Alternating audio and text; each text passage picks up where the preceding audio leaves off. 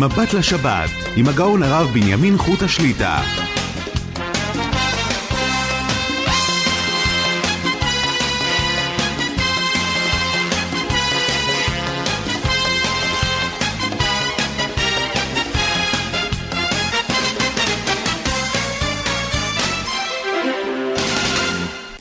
שלום וברכה, ברוך השם נפגשים לשעתיים, מבט לשבת, ערב שבת קודש, פרשת בלק. כמובן נודה בתחילה לצוות המסור, דני לוי, שמחה בונים, חפץ השם בידם יצלח, להגדיל תורה ולאדירה. מאזינים המעוניינים לעלות לשידור ולשאול את שאלותיהם יכולים להתקשר כבר למספר 077 22 22 2, אחת אחת, לאחר מכן שלוחה שמונה. להשאיר השאלה בקול ברור ומספר טלפון, יחזרו עליכם מההפקה, אני חוזר שוב, 077, חמש פעמים שתיים, אחת אחת, לאחר מכן שלוחה שמונה. כדרכנו, ניתן את זמני התפילות המתקיימות בבית המדרש אוהל רחל ביתר עילית, לאנשים שאנוסים, חולים, מבודדים, כל יום תפילת שחרית, שש ורבע קורבנות, שש וחצי ברוך שאמר. מנחה וערבית יהיה שינוי. כל יום מנחה בשעה שבע וארבעים, וסמוך לה תפילת ערבית. לאחר תפילת ערבית שיעור בהלכה ובהגדה. לגבי השבת הקרובה, זמני העמידות. מנחה, ערב שבת בשידור חי בטלפון, ב-077, חמש פעמים 211 בשלוחה אחת. שם זה התפילות. בשעה שש וחצי מנחה, עמידה ראשונה ערבית ליל שבת בשעה שבע, עמידה שנייה שמונה וחצי, עמידה של שחרית תשע, עמידה של מוסף עשר, עמידה של מנחה של שבת בשעה שבע, ערבית מוצאי שבת בשידור חי בטלפון בשעה שמונה ושלושים, לאחר מכן חבורת הרשב"י, קריאת הזוהר, ב... רוב עם עם המאזינים ועם הקהילה בבית המדרש. כן, אנחנו בעזרת השם ממשיכים השבוע בהלכות ריבית, בהלכות המצויות.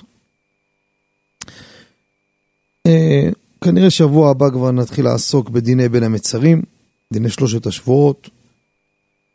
להזכיר לציבור, יום ראשון הקרוב זה תענית י"ז בתמוז, תענית מתחילה מעלות השחר ומסתיימת בצאת הכוכבים כ-14-15 דקות אחרי השקיעה, זה זמן צאת התענית. אני לא אומר בכוונה שעה, כל עיר יש לה את הזמנים שלה לפי הלוח המקומי, להסתכל מתי זה עמוד השחר, ומתי זה צאת הכוכבים, זה תחילת התענית וזה סוף אה, צאת התענית. כמובן לפני שניגע בהלכה, חייבים מילה קטנה. אמרנו ונחזור ונאמר, והדברים הפשוטים שחוזרים עליהם וחוזרים, הם נחקקים. שמעתי פעם אחד המשגיחים, זקני הדור הקודם, שאמר איזו שיחה, הוא אמר שכל כך אמרתי את זה כמה פעמים, אומר, אני כבר לא אומר שום חידוש, אומר אבל המוסר פועל כשחוזרים על הדברים שוב ושוב, לא חייב להיות חידוש. קל וחומר שיש הרבה חידושים. המחדש בכל יום תמיד מעשה בראשית. אנחנו ממשיכים במידת הביטחון והאמונה בבורא יתברך, לא לפחד, לא להתבלבל, אף שכרגע אנחנו מתחילים פה, כך נראה, שוב, בנושא הקורונה, כפי שאומרים, לגבי הדבקה, וגם אלו שהתחסנו, גם הם נדבקים, ככה אומרים המומחים. אבל כפי שהרגשנו על בשרנו, שכל ילד שרק מתחיל להבין, יודע את מה שאני אומר, אבל חייבים לחזור ולשנן ולומר כל אחד לעצמו ששום דבר לא יכול לקרוא לאדם אם לא קודשה ברך הוא קבע למי ומה וממתי ועד מתי ובאיזה מינון ואיך יהיה ומה לא יהיה. שיהיה לכולם רק טוב. חייבים לשמור, חייבים ונשמרתם עוד לנפשותיכם, אין ספק. אבל מפה ועד הפחד ולחשוש, האמת היא, אם לא הייתה מצווה מן התורה ונשמרתם עוד לנפשותיכם, לא, אתה צריך לתפקד רגיל, לא יכול לקרוא לך שום דבר. יש ציווי הבורא ונשמרתם עוד לנפשותיכם. אם אדם לא יקיים את זה, זה עצמו סיבה שחס ושלום יכול לקרוא לו משהו. אף שבלי זה לא נקבע לו, אבל החטא הזה שהוא זלזל ולא שמר, שעל זה גם ייתן את הדין, מה שהגמרא אומרת, זה דמו בראשו. רק בגלל ציווי הבורא יתברך, אנחנו שומרים ונשמרים. אבל רואים מפה אם תשמר מה שצריך, מכאן ואילך אין סיכוי בעולם. אין, אין, לא שייך שיקרה לך או יקרה לך משהו אם קודשה ברוך הוא לא קבע. וכשקודשה ברוך הוא קבע למי שקבע, לא יעזור שום דבר. אין עצה ואין תבונה נגד השם. יכול להיות האמונה והביטחון וההשתדלות, זה יכול לעורר עליו רחמים ויכול לבטל את הגזרה. אבל אם נקבע, לא יעזור שום דבר, רבותיי, שום דבר. לא צריך לשחזר ולומר, אנחנו כבר כמעט שנתיים בתוך המהלך, וראינו כולנו, אתם ואנחנו, והכרנו כמויות של אנשים, אלו שהכי נזהרו ונשמרו ונשמרו, נדבקו בצורה מאוד קשה. יש כאלו, ויש כאלו גם הפוכים, שחיכו מתי להידבק ולא הצליחו להידבק. וכן על זה הדרך. סיפורים בלי סוף. זאת אומרת שהנהגתו יתברך ברורה בבהירות שאין לה אח ורע. אני אמרתי לכם, אמרתי זה השבוע בכמה מקומות שהסתובבנו, שאלתי כמה מומחים, רציתי הסבר מדעי, הסבר רפואי, משהו שכלי, איך ייתכן שאנחנו כבר כמה חודשים פה אין הדבקה בכלל? עשרה, שנים עשר, שלושה עשר. הרי ביחסיות, למתח... בהנחה שהחיסונים עזרו. ביחס למתחסנים, נתח מסוים לא התחסן. אז אם הגיעו להדבקה של 13 ו-15 אלף, אז איך ירד ל-13-14 איש? איפה הפרופורציה? איפה היחסיות בכלל? אבל זו שאלה מתוך מאות שאלות שנשא, ששאלנו למשך כל השנתיים האלו, והתשובה היא פשוטה וברורה. הנהגתו יתברך, ברורה, אין יותר בהיר מזה. אין, אין חזרנו וכמה דיברנו, כמה דיברנו. אפשר לחבר ספר רק על מה שדיברנו. ושקודשה ברוך הוא קובע, אין הסברים. אין הסברים, לא יעזור. העולם, מדינות שלמות.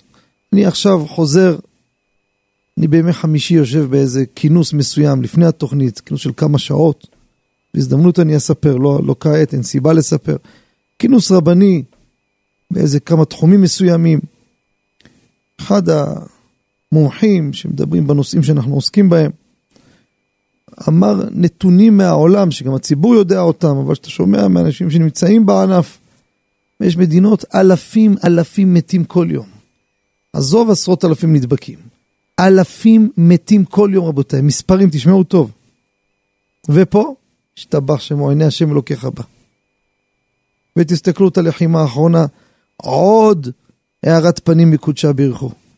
ולכן ממה נפחד? וקל וחומר שלא נפחד מאנשי רשע האלו, אנשי בני בליעל, שבאים מנסים לרמוס או לעשות. אנחנו מתפללים. תולעת יעקב נקראים עם ישראל. מה תולעת אין כוחה אלא בפיה, כוחנו בפינו. אבל מי הם יכולים בכלל לעשות משהו אם ברוך הוא לא ייתן? ואם קודשי ברוך הוא מגלגל שהתהליך הוא כזה, שהרי ברור ופשוט. אין ספק בכלל. אנחנו מתקדמים, דוהרים ברמה שלא נתפסת. רואים מה זה הסימן מלכות תהפך למינות. תמיד הבנו שהמלכות זאת הכנסת ישראל. לא חס ושלום כנסת ישראל שרבותינו קוראים להם, מדבר על להבדיל בין הטמא לטהור. תמיד ידענו שם זה מינות ואפיקורסות והכל, פשוט. אבל מה זה תהפך למינות? היא כולה הפוכה למינות. שהיום זה ברור כשמש שמאה אחוז שם זה מינות. מוצהר, כל דבר שבקדושה, ציפור נפשה של היהדות, כל אתה רואה ממש מלחמת דת. איך גם לפני שנים הייתי מדבר פה ושם, אומרים לי אנשים, תגיד לי, אתם, אתם חושבים מה שאתה מדבר? היינו מדברים על חנוכה, מה זה היוונים, מה זה גזרות לא לשמור שבת, לא לעשות ברית מילה, לא ללמוד תורה.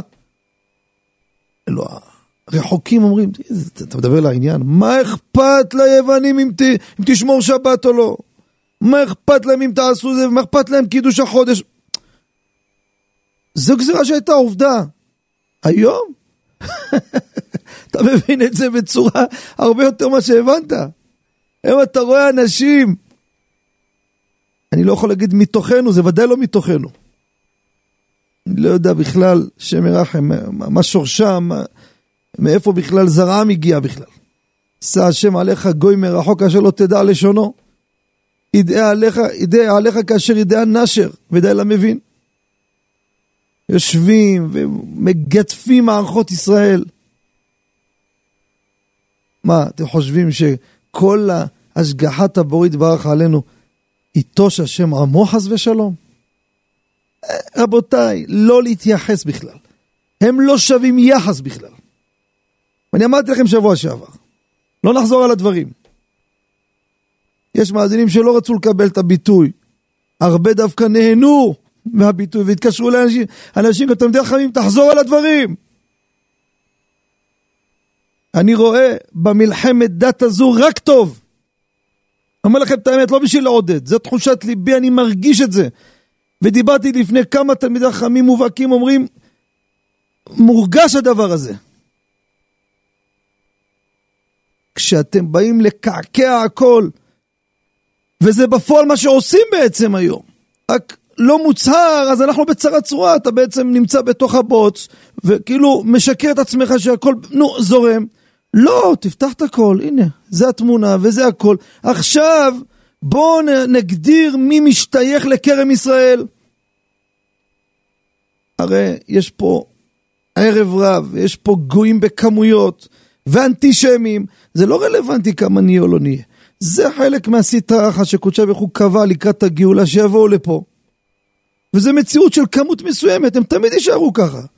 לא יעזור, איך כותב מרן הרב עובדיה בהליכות עולם, מביא מקורות, יש מקרים שאין מה להתפלל עליהם אפילו, לא, חבל לתפילת שווא. אלא מה? נחזק את עצמנו. כי הם יצליחו לפגוע לנו בשבת, לא יהיה מקום ולא יהיה בכלל. אוטובוסים, גם ככה הם חלילים, אנחנו כבר שלוש שנים צועקים פה אוטובוסים, אוטובוסים במרכז הארץ, אז מה יוסיפו? עוד שתי אוטובוסים? יחתכו את הענף שהם יושבים עליו. אנחנו, אדרבה. אני, מה שאני שומע ורואה, ודברים שמתפרסמים, שגם המסורתיים פתאום מקבלים כוחות. אני לא משתייך איתכם, אני משתייך לשומרי המצוות. אז תראה איזה יופי. תראו איך הדברים, איך קודשה ברכו, מוביל את המהלך. אבל חלק מהמורכבות של הגאולה זה מלכות תהפך למינות, בית ועד יהפך לזנות. גועל נפש, לא יכול לדבר. אלו, אלו, חלקם, איפה הם נמצאים? במקומות הכי חשוכים, הכי טמאים, הכי מופקעים, הכי מאוסים. שמי העז לא לדבר, לחשוב עליהם בהיסטוריה היהודית מתחילתה עד, עד לפני כמה זמן. לקחו את הדברים הכי גרועים להפוך אותם ללגיטימיים. ונלחמים, מלחם, מלחמת חורמה, להכניס ולהכניס כמושג נורמלי וזה בסדר, הדברים הכי מאוסים שאתה לא מעז אפילו לח, לחשוב עליהם, שאדם מבעבע רק כשאתה חושב עליהם, אם אתה נשארת טיפת יהודי בכלל. אז אתם רואים, אתם, אתם מבינים מאזינים קדושים וטהורים, אתם קולטים את החלוקה ואת ההפרדה ואת ה... שני צידי המתרס, איך הולכים ומקבלים חדות ובהירות בקיצוניות מפה ומשם. אין את המיקס הזה, את התערובת. כן, אין, זה או פה או פה.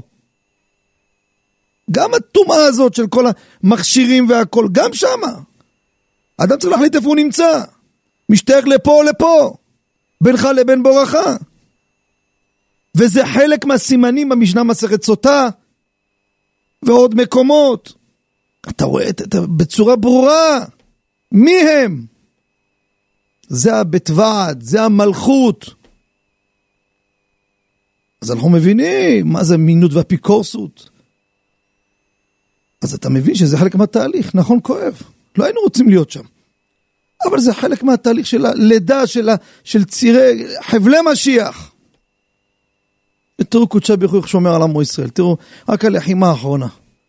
כמה הזמן עובר, אני שומע ושומעים. אני אומר לכם את האמת, לפני שבועיים יצאתי מהשיעור, ב... לא משנה איפה, לא כדי, לא זה. שיעור קבוע במקום מסוים, וניגש אליי יהודי, שנים בלשו, לא ידעתי שזה התפקיד שלו. כמה שאלות, ואז הוא אומר לי, תשמע, הוא מפקד בכיר, יושב בבור, ככה לשונו, באחד הבסיסים שהם בעצם מנווטים את כל נושא חיל האוויר בלחימה בעזה שהייתה. לפרטי פרטים. והוא אומר לי, ולא רק הוא אומר לי את זה, עוד לפניו אחד שגם מבפנים שמה, שהוא גם מאזין לנו כעת, שגם הוא מסר שם, עשה מילואים, שגם הוא מפקד שמה. אומר מי שנמצא במקום רואה דברים שפשוט רק יד השם, אצבע אלוקימי. רבותיי, זה הביטויים של המומחים.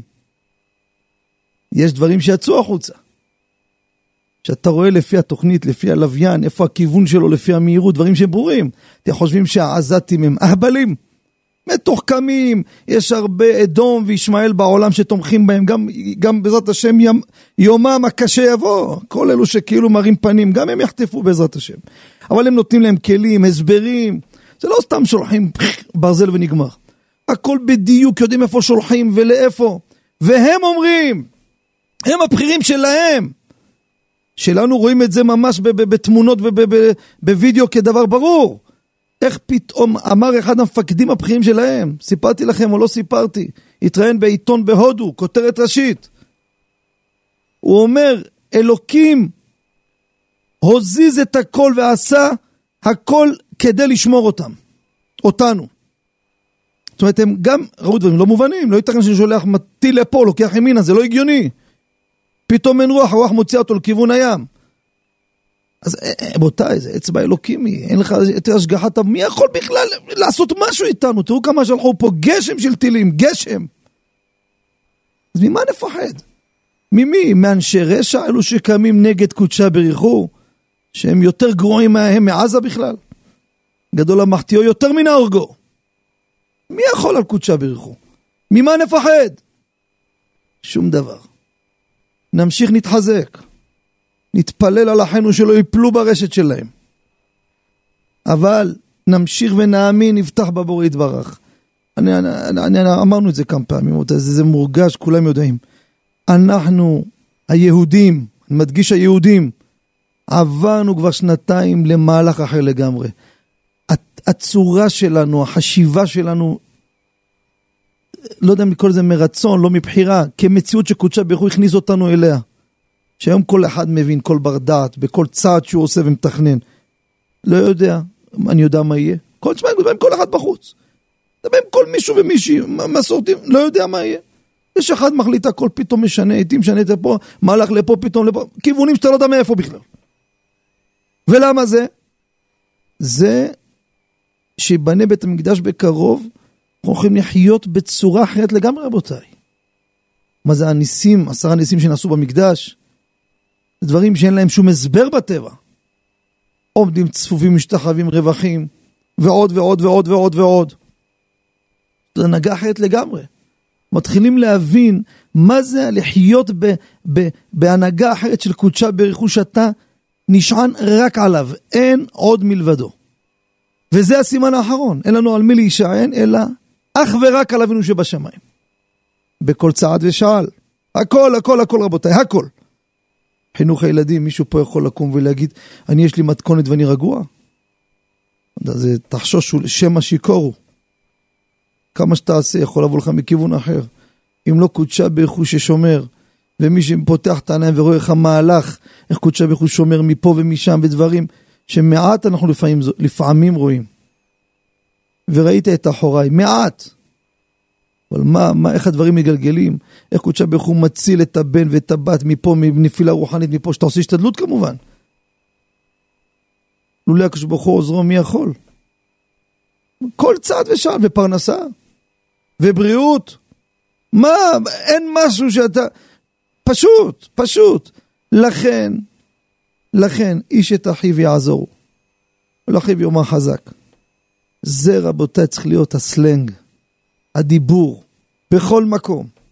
לחי, לחיות, שאתה מדבר את הדברים רבותיי, אתה חי אותם, גם מי שלא כל כך נושם את מה שאני אומר, אבל אם יאמר חיצונות משפיעה על פנימיות. זה צריך להיות הדיבור, אנחנו תלויים אך ורק בחסדיו יתברך. וברוך השם רואים חסד השם עלינו. רואים לאורך כל התקופה, בכל התחומים, בכל המישורים. חסד השם על עמו ישראל. אה, בלי סוף, אתה רק מסתכל, איפה אתה מסתכל, אתה רואה, פשוט חסד ורחמים מקודשה ברכו. מאיר השם פנים אלינו. בסדר, יש פה איזה משהו, גם זה צריך לבוא איזה ניקיון מסוים, צריך לבוא פה איזה ניקוי מסוים, בסדר, בעולם יודע לנהל את העולם. אני חושב שהקדושה והסטרה היו בערבוביה. צריך לעשות קצת ניפוי, יש לו, את, יש לו את המהלך שלו קודשה ברכו, איפה הוא מוביל, איפה זה, בוא נראה. בוא נראה. ברור שרק טוב, אין, זה פשוט חזקה, וגם אין סיבה, עם ישראל כל כך מתחזק יפה. הציבור כולה, ברוך השם, בתורה, בתפילה, ביראת שמיים, בקיום מצוות. בכל מקום אתה רואה בתי כנסת, הציבור כולו מאמין ומצפה. מה, מצוין. כל אחד לעשות חשבון נפש, יש לנו ודאי מה לתקן. ואנחנו ודאי לא צדיקים גמורים. אבל בגדול, תראה מה זה, זה כמה, בן פורת יוסף, אנשים שמתחזקים ובתי תשובה והכל, והחידוש הוא, בתוך הסטרה הכי קשה שלו הייתה מיום בריאת העולם בכלל. תגידו לי אתם, רבי עקיבא איגר, עכשיו ירד מן השמיים, יתגלה פה. הוא יכול... מה זה? ברור שיגיד רבי עקיבא איגר, הדור שלי בניסיונות שלכם לא יודע אם היה עומד. אני הייתי מעז לומר, מן הסתם לא היה עומד. וזה מה שכתוב, לעתיד לבוא, כתוב, כל צדיק וצדיק נכווה מחופתו של חברו. למה? הניסיון שהיו לך, אם אני הייתי שם, לא הייתי עומד. אנחנו נמצאים בדור הכי הכי, בשיא של השיאים. מי היה לו ניסיון כזה? קחו לפני 30 שנה, 25 שנה, מי בכלל היה בכלל במושגים האלו בכלל? הצפה בסטרה אחת.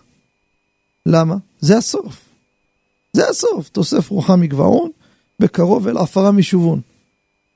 ויש כוח שקודשה ברוך הוא נותן. מי שרוצה להתקדש, שרוצה לשמור את עצמו, בית שרוצה באמת לשמור את החומות כדי שיהיה ערוך ומוכן, לא ישחית את ביתו מבפנים, יחריב את ביתו, יחריב את כל מה שיש מהקצה לקצה אם הוא לא רוצה, וקל וחומר להיות מוכן לגאולה השלמה בקרוב. יש כוחות. קשה? כל התחלות קשות. תקריב, תראה פתאום קודשה ברוך הוא נותן לך יד. לא תפחד. אבל רבותיי, הדברים לא בגדר, כן, כן, אתה מחזק, זה באמת שכנעת אותי. שבוע הבא, אני... מה שבוע הבא? עכשיו, אמר לי מישהו לפני כמה חודשים שדיברנו, אומר באותו רגע, קרא את הכל, אחד שלח תמונה במייל, לא יודע איך נשאר לו איך הוא עשה את זה. שלח, לקח את הפלאפון, אומר בזמן התוכנית, הדליק את המחבת בבית וטיגן אותו. אז הוא הסתפק אם זה בליעה של איסור או לא. אמיתי מה שאני אומר לכם. אין, כי אדם אם קיבל הרהור, צריך לקפוץ במקום. אין, אין, לא, עוד חמש דקות זה כבר לא. מחר זה קל, ודאי שלא. בשבוע הבא אין סיכוי בכלל. אז לכן, אם, אם אדם קיבל פתאום הרהור, שאומר לי, תשמע, אני רוצה להימנות בין הצד הזה של ה... באמת עובדי השם, אלו שמצליחים עם כל הקשיים, מלחמת הישרדות, נקרא לזה. כן, כן, ודאי שזה ככה. דור כזה מוצף, כזה הכל חופשי, הכל הפקרות, ודאי, מה השאלה בכלל? אבל זה מראה, זה ה... ש... שנלחם, מה זה הישרדות? הישרדות להישאר עבד לבורא יתברך. זה, אין לנו הסבר בכלל איזה נחת רוח לבורא יתברך. וממילא מסחרו לאין ארוך בכלל. ולכן אחר כך, שיגיע מול כל קדושי העליון דורות קודמים, יגידו לו, תשמע, מחילה מכבודו, נכון שאתה לא כל כך גדול בתורה, ואנחנו, מה שעשינו וחיברנו, אבל יכול להיות בהתמודדות שאתה עמדת, אני לא אני לא יודע מה אנחנו היינו עושים פה בכלל. כפשוטו. כי זה, זה מגיעים לשיא הזיכוך. והלילה שזה הילולה של רבנו הקדוש, רבנו חיים בן עטר, כמה כמה כתב על זה, כמה שכל דבריו ברוח הקודש, קודש קודשים, וקראנו באורח חיים, שהוא כותב בפירוש, בפירוש, אומר לקראת הגאולה עם ישראל יגיעו לשער נון. שמעתי בשם הגאון הרב אוזנר, שאמר הנט הזה לא סתם נקרא אינטרנט, נט. נון טומאה, זה השער נון, זה אין יותר טומאה מזה. אין רבותיי, אי אפשר להמציא משהו יותר. אין עבירה שאפשר להמציא שלא כתובה בתורה. וזה באופן שיש היום, אי אפשר יותר מזה. לא שייך פשוט. שזה כולל את כל ההפקרות והכל מתירנות והכל בלגיטימציה, במכלול עם עמקות ומכל הכיוונים ברעל הכי רעיל שיש. שזה השער נון. ואומר רבנו חיים בן עטר שהלילה זה ההילולה שלו, זכותו תגן בעדכם ובעדנו. אומר שרק אנחנו נוכל לצאת משער חמישים. שאבותינו במצרים לא יכלו, לכן לא הגיעו לשער נון. לא היה להם תורה, לנו יש תורה. על ידי התורה נוכל להחזיק מעמד ולהינצל מהדבר הזה. לכן, כל אחד, החי ייתן לליבו. תכננתי לדבר חמש דקות, אבל נו, לומר מה תכננתי, מה בפועל, אני כבר חוזר על זה בלי סוף פעמים, שכבר אין טעם לתכנן, כי מה, מה, מה, מה אתה חושב בכלל? הדפים פה מולי, הכנתי חומר, הכנתי דברים מעניינים, אבל יש אחד בשמיים החליט אחרת. והאמת שגם לא תכננתי גם את הקצת לדבר, זה האמת. אמרתי, נזרוק איזה מילה. אבל יושב בשמיים משחק בכל צעד ושעל, אין לנו משלנו שום דבר. הכל מאיתו יתברך. לכן, רבותיי, נמשיך בציפייה, אנחנו מתקדמים כמו שצריך. כן, לפעמים אתם רואים קצת, אמרנו, הבאנו את הפסוק, וכל הנביאים, הכל, הכל, לא נחזור על הכל, לא שייך לחזור על הכל. כל זה חלק מהתהליך. בעזרת השם יתברך, נמשיך להתחזק, לבטוח בבורא יתברך, לא להתרגש מכל מיני רוחות של, של היוונים וכל מיני ערב רב וכל מיני אנטישמים ושונאי השם ונגד משיחו. לא להתייחס. לא להתייחס לביזוי והזיזוי שמזלזלים בנו, כי גם זה חלק מהמסימן. יראה חטא ימאסו. מי שיראה חטא, מי שהוא יותר צדיק, יותר מחובר לבורא יתברך, הוא יותר מאוס. איפה יש דבר כזה? איפה? זאת מבחר האנושות. זה חלק מהתהליך. ככה קודשה ברוך הוא קבע. זה חלק מסימני, זה משנה. יראה חטא ימאסו. חלק, מה, חלק מהסימנים. ופני הדוקי פני הכלב, זה גם, כתבנו מאמר על זה בספר ברית בנימין, מאמר, מי שקורא אותו פשוט משפשף את העיניים. לא היום כתבתי את זה. זה לפני אולי 15-17 שנה, שפתחנו במקורות, לא בתור הערכות וסברות שלי, חלילה. מה שמצאנו ופתחנו, דברים שאבותינו לפני עשרות ומאות שנים, איך הביאו דברים ב- ב- ב- ברזולוציות, בדברים דקים, כאלו אתה רואה את הכל בצורה שאין כדוגמתה פשוט. וזה מראה כמה אנחנו בעומק של העומק. ולכן, כמה שמתקרב יותר, רבותיי, לא להתבלבל מלכאורה נראה כשגרה. לא. עוד יותר לתפוס חזק. לתפוס חזק. ההפתעה תגיע. תגיע ובקרוב בעזרת השם. ונתפוס בעזרת השם, נתחזק בתורה וחסד. נזכה לגאולה השלמה במהרה בימינו, אמן. אנחנו נצא להפסקה. שוב אני מתנצל על הפתיח ההלכתי שדילגתי עליו. אני, זה לא התוכנית היא הלכה, אבל אמת רבים רבים כל השבוע. תדבר, תדבר, מחכים ליום חמישי, אז מה אני יכול לעשות? אני משרת את הציבור, לא את עצמי. אז אתן שוב את הטלפון למאזינים, 077 22 22 2 אחת אחת, לאחר מכן שלוחה שמונה לשיר השאלה בכל ברור מספר טלפון, יחזרו עליכם מההפקה. אנחנו נצא להפסקה ומיד נשוב למאזינים המיוחדים והמחכימים שלנו, בבקשה. אתם מאזינים ל"מבט לשבת" עם הרב בנימין חוטה. שבנו, ניגש למאזין, שלום וערב טוב. ערב טוב. ערב טוב. אמ, הרב דיבר על הנושא של אה, סאה בסאה. אה, רציתי לשאול, כשיש אה, סאה בסאה ובזמן ההלוואה עדיין השער לא משתנה. כן, לא יצא שער, כאילו זה דבר קבוע, שהמחיר שלו קבוע, אבל עד זמן הפירעון יכול להיות שהדבר ישתנה. זאת אומרת, נגיד שהרשות מכריזה שהמחירים יתייקרו כנראה, או משהו כזה. זאת אומרת, יש שער עכשיו, רק אתה אומר, אתה יודע שבעוד שבועיים או שבוע הולך לעלות, הכריזו שעוד כן, עכשיו שבוע... אם, אם יצא שער, אם זה דבר קבוע, אמרנו שאין בעיה, נכון? יפה. אבל אתה שואל, אני יודע אבל שתהיה פה התייקרות בעוד שבוע, שבועיים. שאלה יפה מאוד. מאזין הנכבד פה, אני קצת אסביר למאזינים את השאלה למי שלא היה איתנו שבוע שעבר. כשאנחנו מלווים דבר, לא כסף, דבר שקונים אותו, פירות, ירקות, חפצים, ומחזירים לנו בדיוק אותו דבר. הבאנו כמה תנאים מתי מותר להלוות את זה, כי יש חשש שתהיה התייקרות וזה ריבית. ואמרנו שאם יצא השער, קרבו הרבה יורה דעה סימן קס"ב, אם יצא השער לו שער קבוע, מחיר קבוע, וידוע לשניהם, מותר. אין בזה חשש. בא המאזין הנכבד, שואל שאלה יפה. אומר, זה אני מבין. יש מחיר קבוע, אין לנו חשש, הכל בסדר, אבל המדינה הכריזה שבעוד שבועיים המחירים עולים. מה עושים? הרי פה בעצם, מחר הוא יחזיר, יחזיר משהו יותר יקר, אני יודע את זה מראש, מה עושים? אז ככה, יש לנו התייחסות בדברי הרמ"א על השולחן ערוך ביורה דעה קס"ב סעיף ג'. אומר הרמ"א ככה, מה שמותר ללוות על שער שבשוק, כל זה דווקא שהלווה יכול לפרוע לו מתי שרוצה. אבל אם אתנה שלא יקבל פירעון עד שעת היוקר, אסור. זה תשובת הראש. אם עושה איתו תנאי, תקשיב, אתה מחזיר לי את זה, לא שאני נותן לך עד שבועיים להחזיר. אני מודיע לך, אתה תחזיר לי רק בעוד שבועיים או שלושה שבועות. לפני כן אני לא מוכן שתביא לי את זה. זה באמת, אומר הרמ"א, זה ריבית. כי עשה איתו תנאי, שיחזיר לו לפי היוקר.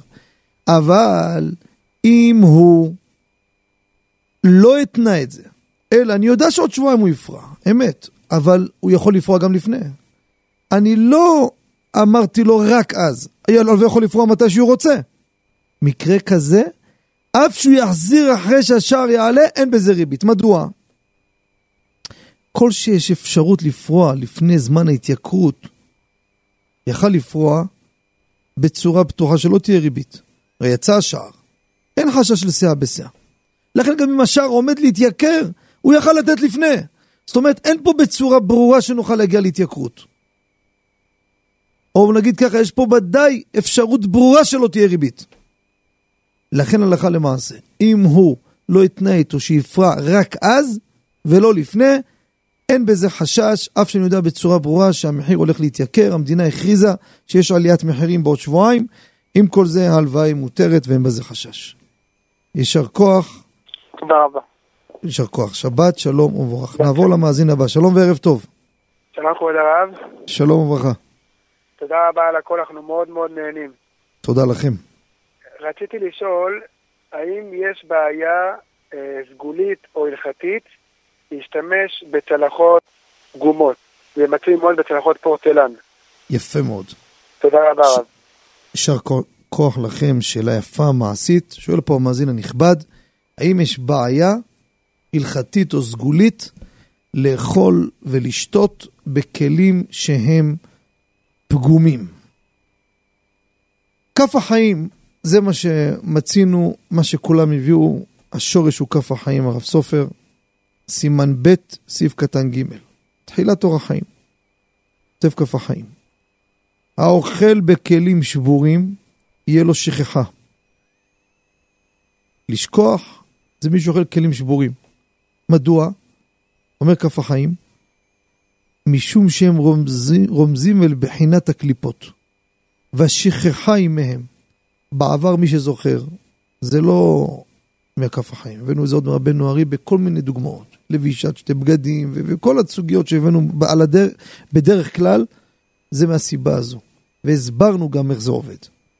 לא שאני מבין בקבלה, לפי מה שקראנו. יש לאדם אור המקיף. יש לו אור מסביב. כשהוא לובש בגד, יש לו את האור. האור הזה שומר אותו. ממה שומר אותו? מכל מיני דברים. אם אנחנו עושים פעולה שאין לנו את האור הזה, אז יש אחיזה של כוחות אחרים. ויש פעמים שזה כוח מסוים שיכול לפגוע בדבר מסוים. מהו? במקרים האלו זה שכחה. לכן מי שאוכל בכלי שבור, זה שבור, זה רומז לקליפות, נקראים קליפות. קלי, נקרא קליפות. ולכן כלים שבורים זה בעיה. יש קובץ אור תורה, אלול תשנ"ו, עמוד תתקמ"ו, מאמר של הגאון הגדול, ראש ישיבת כיסא רחמים, הגאון רבי מאיר מזוז שליטה, שהוא כותב סברה מעצמו, ככה הוא כותב, מסתבר שהאיסור רק כלי שבור, אבל לא כלי פגום. מה הראיה? כתוב לגבי טומאה בכלים, שנקב בכלי, אם יש כלי שניקב, הרי הוא ניקב, הוא פגום.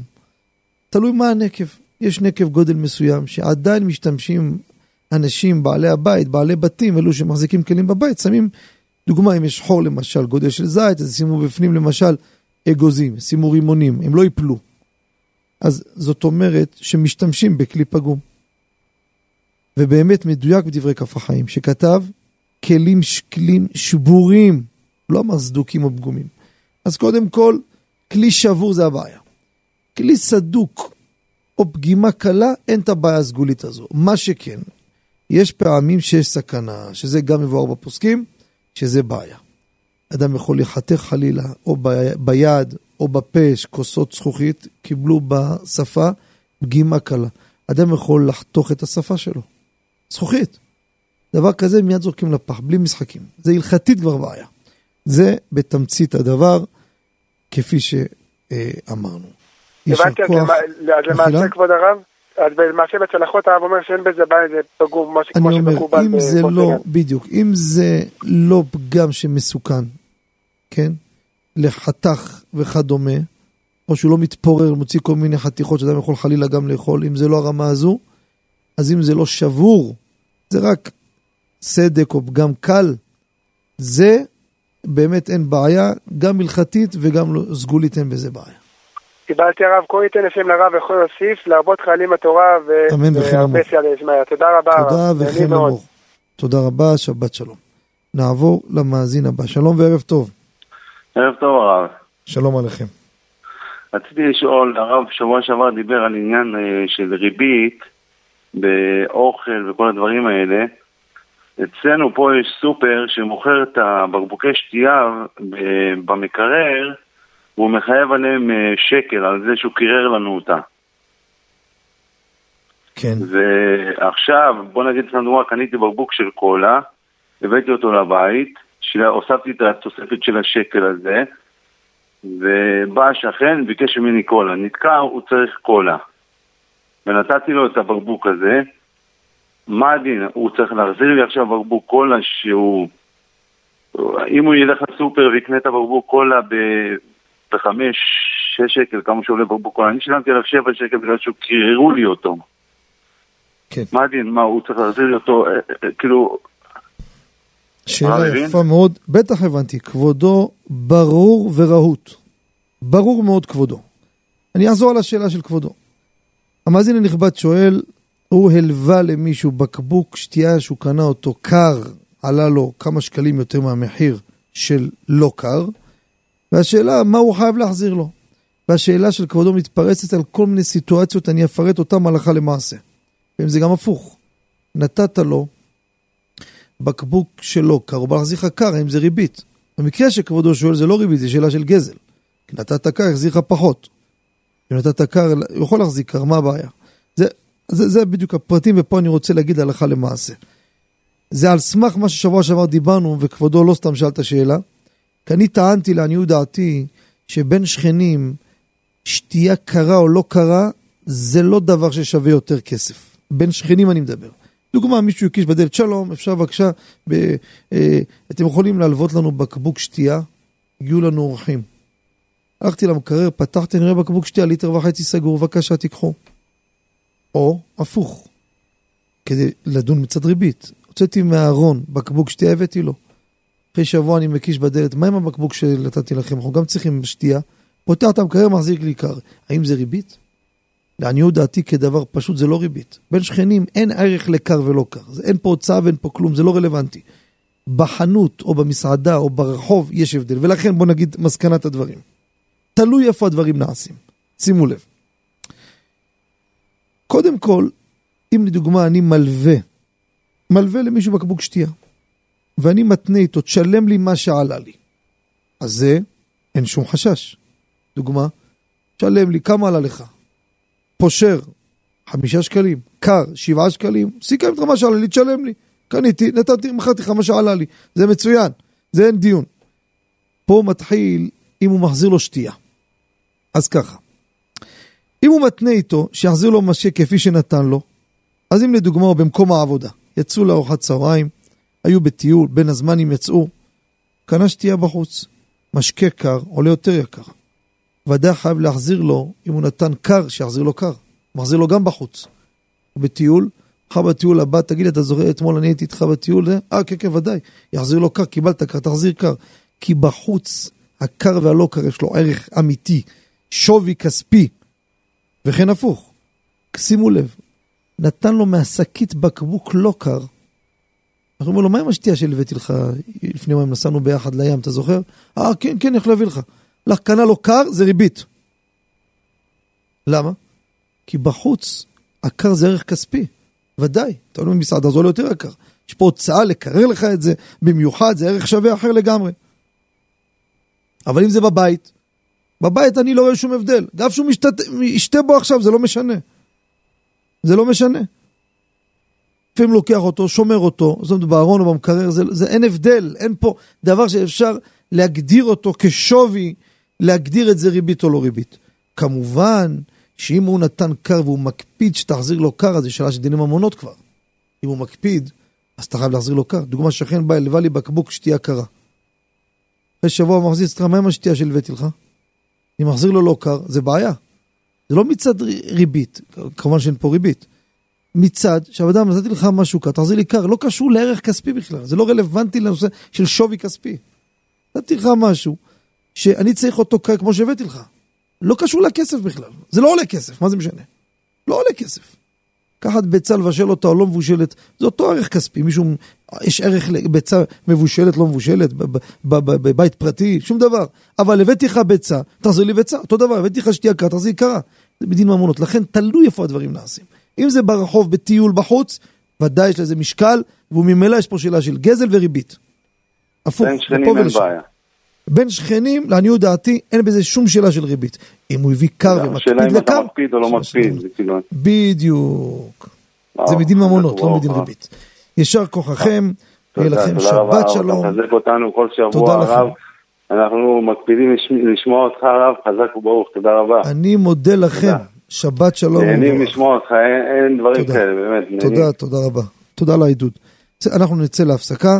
ונשוב למאזינים הנפלאים והמחכימים מיד לאחר הפסקה, בבקשה.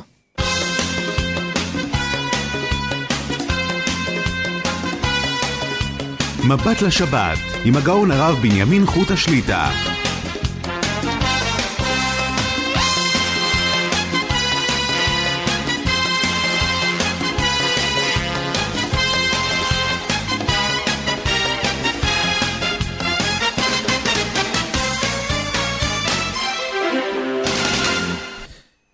שבנו לשעה שנייה, מבט לשבת, ערב שבת קודש, פרשת בלק. נודה שוב לצוות המסור, דני לוי, שמחה בונים, חפץ השם ידם יצלח להגדיל תורה ולהדיר. המאזינים המעוניינים לעלות לשידור ולשאול את שאלותיהם יכולים להתקשר כבר למספר 077 חמש פעמים 211, לאחר מכן שלוחה 8. לשיר השאלה בקול ברור עם מספר טלפון יחזרו עליכם מההפקה. כמו כן במספר הזה בשלוחה אחת התפילות מבית המדרש אוהל רחל ביתר עילית לאלו שאנוסים, חולים, מוגבלים, מבודדים. אנחנו עושים את התפילות בשידור חי כל בוקר, שש ורבע קורבנות, שש וחצי ברוך שאמר, תפילת שחרית. מנחה שבע וארבעים וסמוך לערבית, מיד לאחר ערבית, שיעור בהלכה ובהגדה. אה, מחר יום שישי מנחה בשעה שש וחצי בשידור חי. זמני עמידות לשבת הקרובה בזריזות.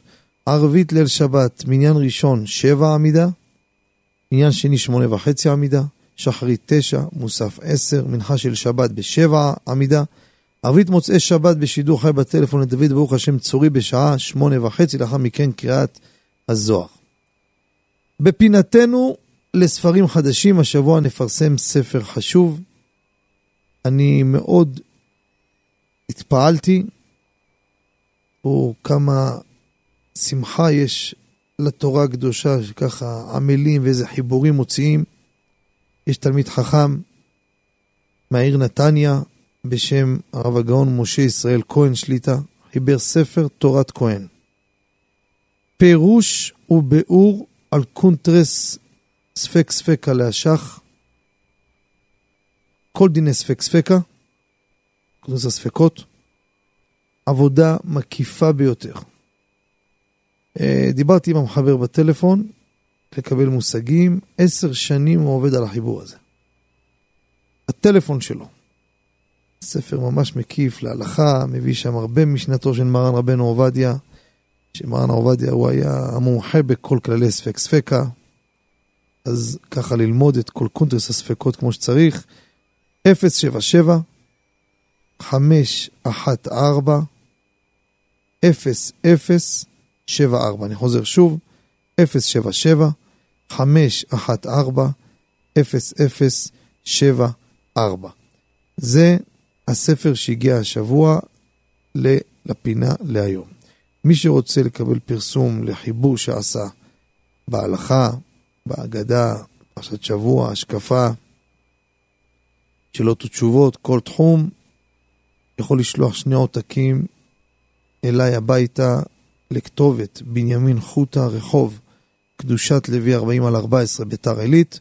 אני עובר מלמעלה על הספר, נותן תמצות ככה מה העבודה של הספר, ומפרסמים גם טלפון של המחבר, וזה ללא תמורה. אנחנו ממשיכים ונחזור למאזינים הנכבדים, בעזרת השם, אה, לשאלות של המאזינים. שלום וערב טוב למאזין. שלום עליכם. הלו? שלום עליכם. השאלה היא כזאתי, שבוע שעבר דיבר, הרב דיבר על עניין של ריבית, אדם שמשתמש עם חברה של אה, טיטולים, חברה פשוטה. וחברו הביא לו ארבע טיטולים, הוא היה צריך. עכשיו אחר כך הוא לוקח, אה, הוא תמיד מקבל מגמח חברת טיטולים אה, יקרה מאוד. הוא צריך עכשיו ללכת במיוחד לקנות את החברה הפשוטה כדי להביא לחבר שלו, אף על פי ש... או נגיד שזה ריבית. הוא רגיל לתת, אומר יאללה, אני אתן לו, אני אפצה אותו. יפה מאוד. גם כל כך כבודו אה, מביא שאלה מעשית שאנחנו נקלעים בחיי יום-יום, שפעמים אדם אומר, תראה, בשביל להחזיר לו משהו נתן, נתן לי משהו פשוט. לך תרוץ עכשיו, תקנה עכשיו חבילה, גם בזבוז כסף, מה אני עושה איתו? נתן לך חברת טיטולים X פשוטה, נתקעת, אתה עכשיו יש לך את העיקרים. כבודו אמר, קיבל, קנה, זה לא משנה. צריך לדעת אם יש הלוואה, אין צד לתת מתנה רבותיי. אין מושג כזה. זה בדיוק ריבית מה שהתורה עשרה. כל ריבית היא באה ממתנה, כמחווה, כהכרת הטוב, כטובה. נכון שאתה קיבלת מהגמח ואתה לכאורה לא נישוך, אף שזה גם נקרא נישוך, תכלס אתה... אבל אתה אומר, אני מעדיף ככה מאשר איך תקנה עכשיו, תוציא עוד 30 שקל לחבילה אחרת. מה שאפשר לעשות, אה, אני אומר, פתרון שהוא כל כך קצת לא תמיד מקובל. כאילו, אני אתן לו באמת מהטיטול הזה, ורק אני אצטרך לקחת ממנו עודף. אלא מה יגיד לי אותו אחד, סליחה, מי רוצה את הטיטול הזה בכלל? ואיתך פה, שתעשה לי פשוט. אין לי פתרון. יש, תחפש מישהו שמחזיק טיטולים פשוטים. תן לו את היוקרתי, תחליף איתו. להחליף דבר בדבר בלי המתנה של זמן אין פה פרשת ריבית. אני יכול להחליף עם מישהו מיליון שקל בשקל. אין שום בעיה. כי אין פה הלוואה. אין פה אגר נטר, שכר נטירה, זמן המתנה. יש פה שהייה, עיכוב. על זה, זה נקרא גדר. פה מתחיל סוגיית ריבית. יוני מחליף עם מישהו, ימצא איזה מישהו. יש לו גם טיטולים פשוטים. לא, תקשיב, בוא, תן לי שתי טיטולים פשוטים, אני אתן לך טובים. מה, מה אכפת לך? יש לי אינטרס. ואז, ואז קיבלת את הפשוטים, לך תחזיר לו. אם לא, אין מנוס. תשלם לו כסף. תגיד לו, בוא, יש לי פתרון פשוט, אתה כל מקרה קונה טיטולים, נכון? זה יותר נעים, אני חושב. לא הפרשים והחזרים. פשוט. כמה הולך החבילה? 20 שקלים. שם 40 טיטולים, חצי שקל לטיטול. קחתי לך שתי טיטולים, קח שקל. פתרנו את הבעיה. אין לי פתרון אחר. מה אומר כבודו? שהוא מחזיר לו, הוא מביא לו את זה, אומר לו, קח את זה בתור מתנה, את ההפרש בתור מתנה. אין, אין מתנה בריבית. אני זורק על זה כבר שבוע אחרי שבוע. זה, אני שואל את כבודו, הלווית לי... מה זה אין מתנה? אבל רואים בהלכה שאם אדם רגיל בכך לתת, למשל לעלות למשל אנשים לתורה, לכבד אותם, מישהו הלווה, הוא רגיל כל שבת להעלות אותו, מה? אתה רגיל לחלק טיטולים מקראיים לשכנים? לא, אני רגיל לתת מתנות, אני נותן לו יאללה. יש לי שאלה אליך, אתה רגיל לתת לו מתנה טיטולים סתם? אני רוצה לדעת איפה אתה גר, אני אהיה שכן שלך. דברים אחרים, כן. זה אתה לא נותן. אז ודאי שנתת את זה בגלל ההלוואה. אתה צודק. אם אשתך מכינה כל יום שישי אה, עוגה ונותנת לשכנים בכל מצב, תמשיך לתת. לא ניכר, אתה צודק מאה אחוז. אבל הטיטול הזה חזר לשכן שהביא לך טיטול, כי הלווה לך טיטול, אתה מחזיר לו טיטול. ופה יש טיטול יותר יקר. מתנה זה לא, לא, לא מתחיל, הלווית לי שתי מיליון שקל מזומן, שתי מיליון שקל.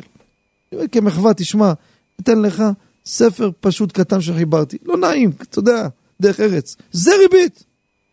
אה, חסכת לי מהבנק עשרות אלפי שקלים ריביות, מה זה משנה? תורה אסרה, נקודה. מה כבודו אומר? חזק וברוך הרב, שישמור את ה... אז uh, תחשוב מה לעשות, כן? תחשוב פעמיים לפני שאתה לוקח טיטולים מהשכנים. עדיף לא לקחת, אני אשתמש עם אה, חיתולים. שבת שלום ומברך. שבת שלום, בשורות טובות.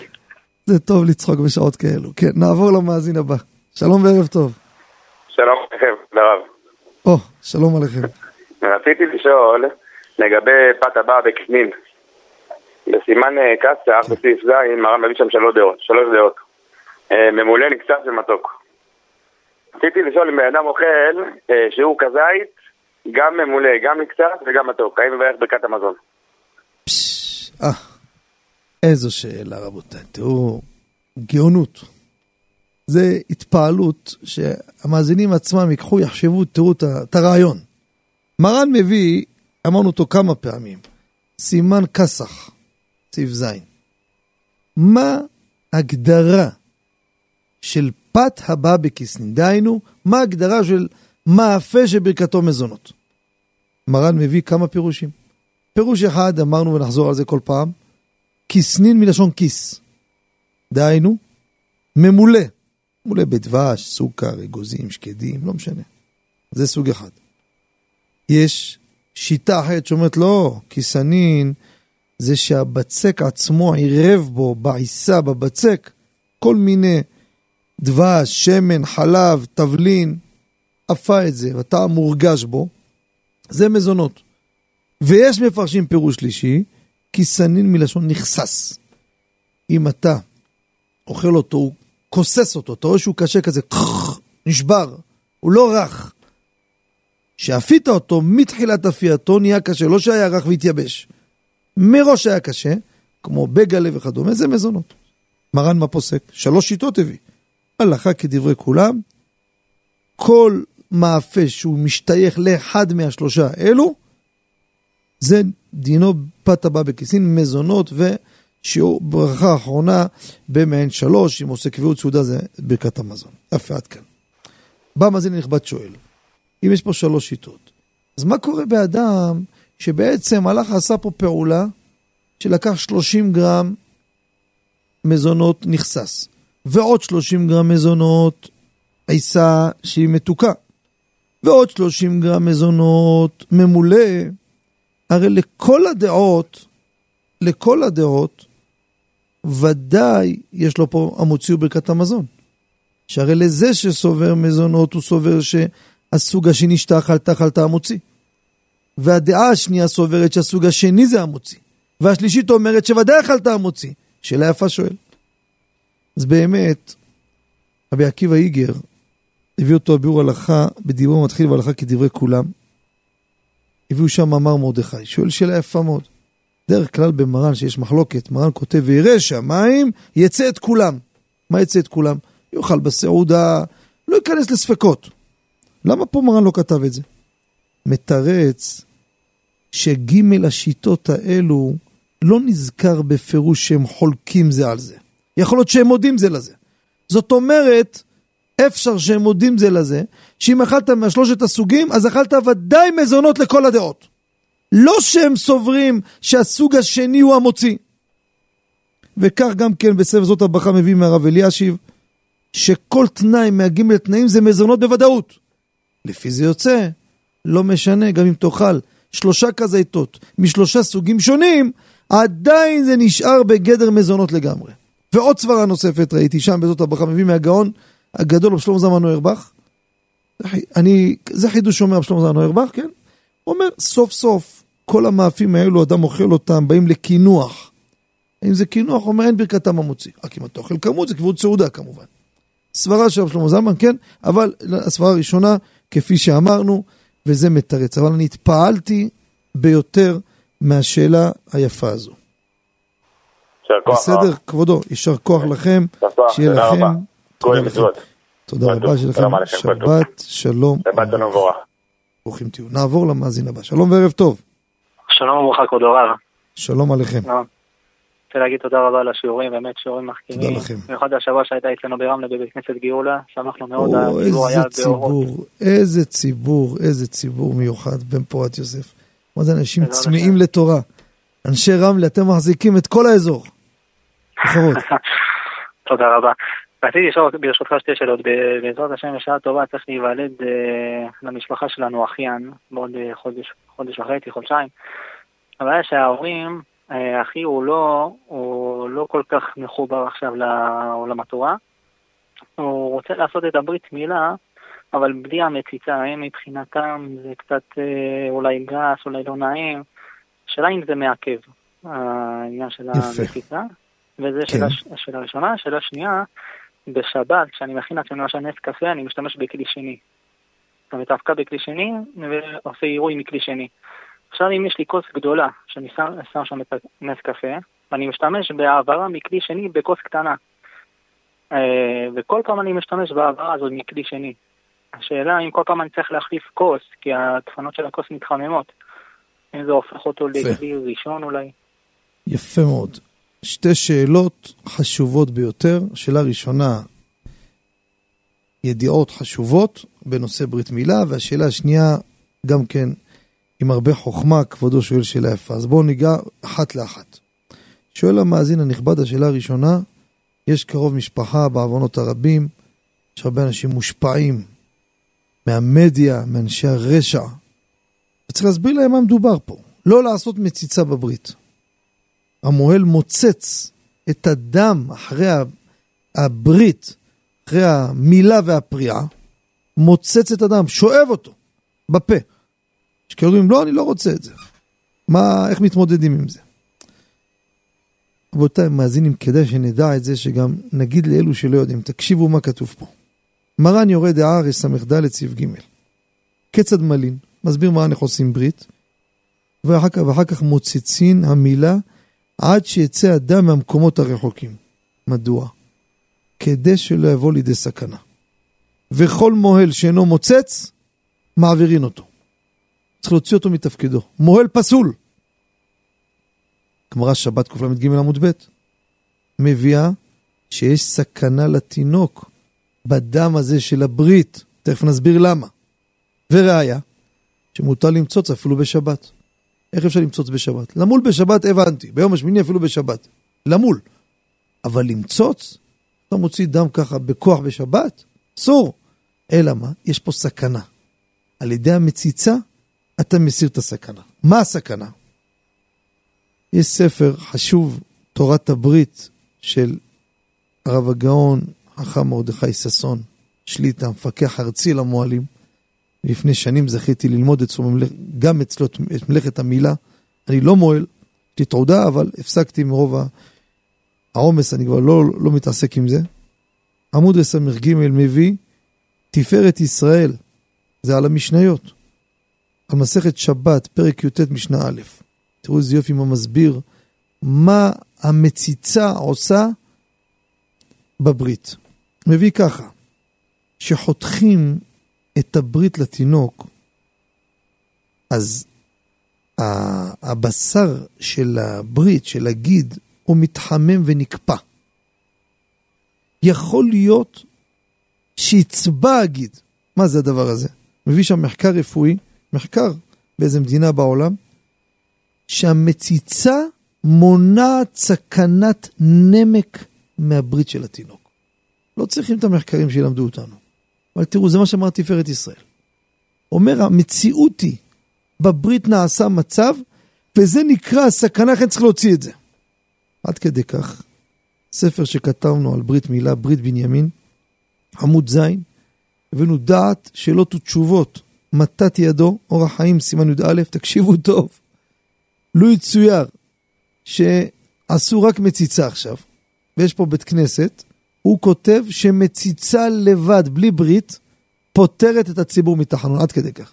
אמת שמרן ביביע עומר, חלק ג' אורח חיים י"א עוד ז', כתב לו ככה. מציצה לבד לא תפתור. אבל צריך לדעת שמציצה זה דבר שהוא חובה, זה לטובת התינוק. זו הלכה שהיא בריאותית. עכשיו, מל ולא פרה, כאילו לא מל. לא ניכנס, נסביר עכשיו בשידור מה זה מילה, מה זה פריאה, זה שתי עורות שיש לתינוק. העליון ותחתון. והפריאה התחדשה מיהושע, כמו שכתוב, שוב מול את בני ישראל, איך אפשר למול מישהו שכבר מלו אותו. הכוונה היא לעור הפנימי, זה הפריאה. מל ולא פרה, כאילו לא מל. כך פסק מרן ביורד ד' ס"ד סעיף ד'. לגבי מציצה, לא כתוב שזה מעכב. זה בפשטות הדעה הרווחת, שאם לא עשו מציצה, הברית לא מעכבת. יש נוקטים שזה כן מעכב, כן? אבל למעשה, הלכה למעשה. אם לא עשו מציצה, בפועל, תכלס, אין מה לעשות יותר. אין מה לעשות. הברית והערכה, החתך יתאחה, נגמר הסיפור. אין לנו מה לעשות, איבדו את המצווה ברור. לא בריא לתינוק שלא עשו את המציצה, אבל בפועל מה עושים תכלס, וכך הורה גם כן הגאון הגדול, הרב מרדכי אליהו זצ"ל, בעדות שאני קיבלתי ממישהו שביקש שאני לא יאמר את שמו בשידור, ביקש ממני לא לומר את זה בכלל, אבל הוא לא יגיד לי מה לומר, הוא יגיד לי לא לומר את שמו, זכותו. אבל זה הוראה שהרב מרדכי אליהו אמר, אבל זה דברים פשוטים בעצם. אבל אני אומר את זה בשם גדול, יש לזה יותר תקפות.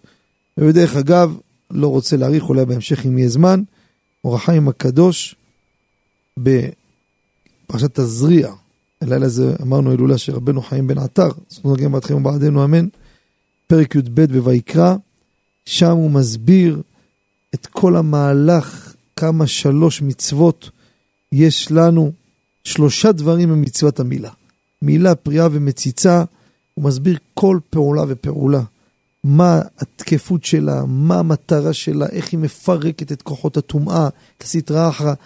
זה רבנו חיים בן חיים הקדוש, וכדאי לראות את זה בפרט הלילה ומחר, שזה היום הזה, ששפתותיו דובבות, ובהזדמנות, אם בהמשך יהיה זמן, אולי נקרא קצת מדברי אור החיים, זה בפרט הזה.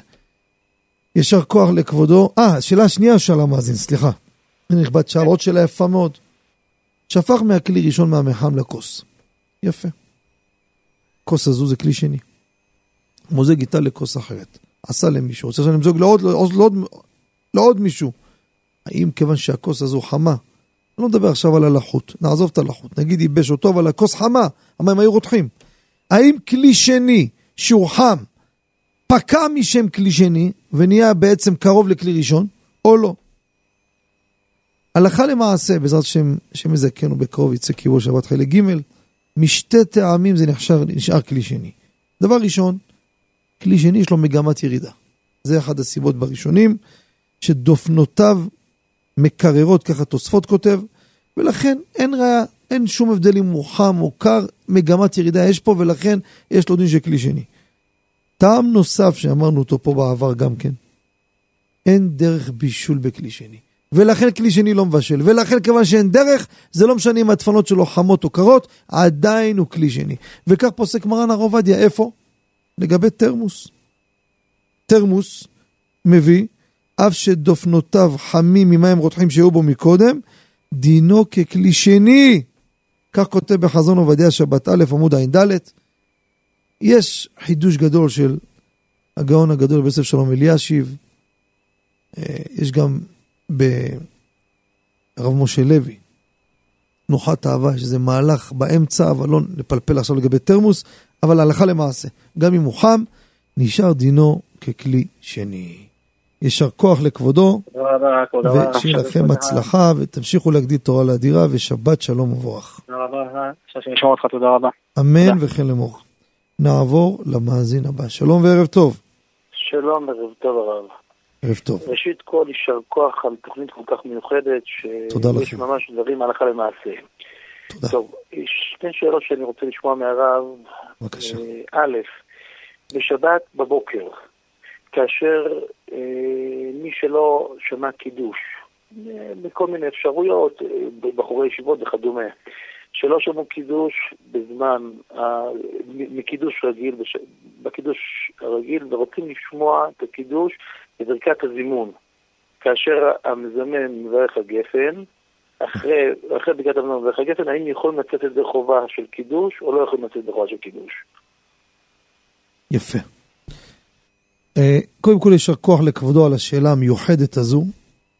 קודם כל השאלה היא מיוחדת, ופה אני רוצה לומר למאזינים, אה, קצת הקשבה יותר, אני רוצה לומר פה איזה יסוד גדול שיהיה לנו אותו בכיס. השתמש בו בהרבה הרבה דוגמאות, ויש פה איזה חידוש מסוים כדרכה של תורה, וכדאי מאוד אה, להפעיל יותר הקשבה. וזה ייתן לנו גם כן, בעזרת השם, כלים לעוד שאלות מהסגנון הזה. המאזין הנכבד שואל פה שאלה יפה ומתוחכמת. בא מישהו בשבת בבוקר, נגיד בישיבה, בא איחר, לא עשה קידוש. יורד, רואה מישהו חבר, בא לעשות עכשיו כוס ברכת המזון. הוא לא חכה רגע. אתה תברך סברי מענה בורא פרי הגפן, בבוקר אין ברכת הקידוש, רק בורא פרי הגפן בלבד. תכוון עליה, אני אצא ידי חובת קידוש, ואתה כוס ברכת המזון, האם זה אפשר או לא אפשר? הגמרא מסכת פסחים קב מביאה כלל, אין עושים מצוות חבילות חבילות. אסור לעשות מצוות בחבילות. רש"י בסוטה דף ח' מסביר למה. נראה כמו עליך כמו מסוי, שאתה ממהר לפרק את המסוי מעליך. הלו, יש לך כמה מצוות, תעשה אחד אחד, למה אתה עושה חבילה? זה גמרא וזה ביאור של רש"י בסוטה. עד כאן ברור. עכשיו שימו לב רבותיי, אני רוצה להגיד פה שתי כללים חשובים מאוד, ובעזרת השם שאני אסביר אותם טוב שיבינו אותי. יש לנו הרבה נושאים בהלכה סביב השאלה הזו, שנכנסים למשפחה של השאלה הנפלאה של המאזין הנכבד. לדוגמה, קידוש והבדלה על אותו כוס. למשל, אה, ברכת הקידוש בשבת, לעשות קידוש על כוס שאני מברך בורא פרי הגפן של ברכת הברית. היה ברית בשבת בבוקר, אני עושה ברכת הברית, ועל הדרך בכוון להוציא את כולם לקידוש, מיד שבו תאכלו מזונות ונגמר. עוד דוגמה, להדליק נרות חנוכה בשמן שרפה. אתה גם שורף את השמן שרפה, וגם אתה עושה בו נר חנוכה. אז כלל ראשון רבותיי שיהיה בידינו. וכך כותב מרן רבנו עובדיה, חזון עובדיה שבת בית עמוד. אה, מביא את זה ב... בכמה מקומות האמת. מי שיש לו גם כיבוש שבת חלק א', עמוד תס"ז, נראה גם כן שם, ואני אגיד לכם בקצרה את הכלל, ופה אנחנו נסתעף לעוד כלל מאוד חשוב ומאוד דק. כלל הראשוני אומר ככה, שימו לב. כשאני עושה, שימו לב, פעולה אחת, בפעולה אחת אני רוצה לפתור כמה וכמה מצוות, אין בעיה. לדוגמה, בוא ניקח כמה דוגמאות.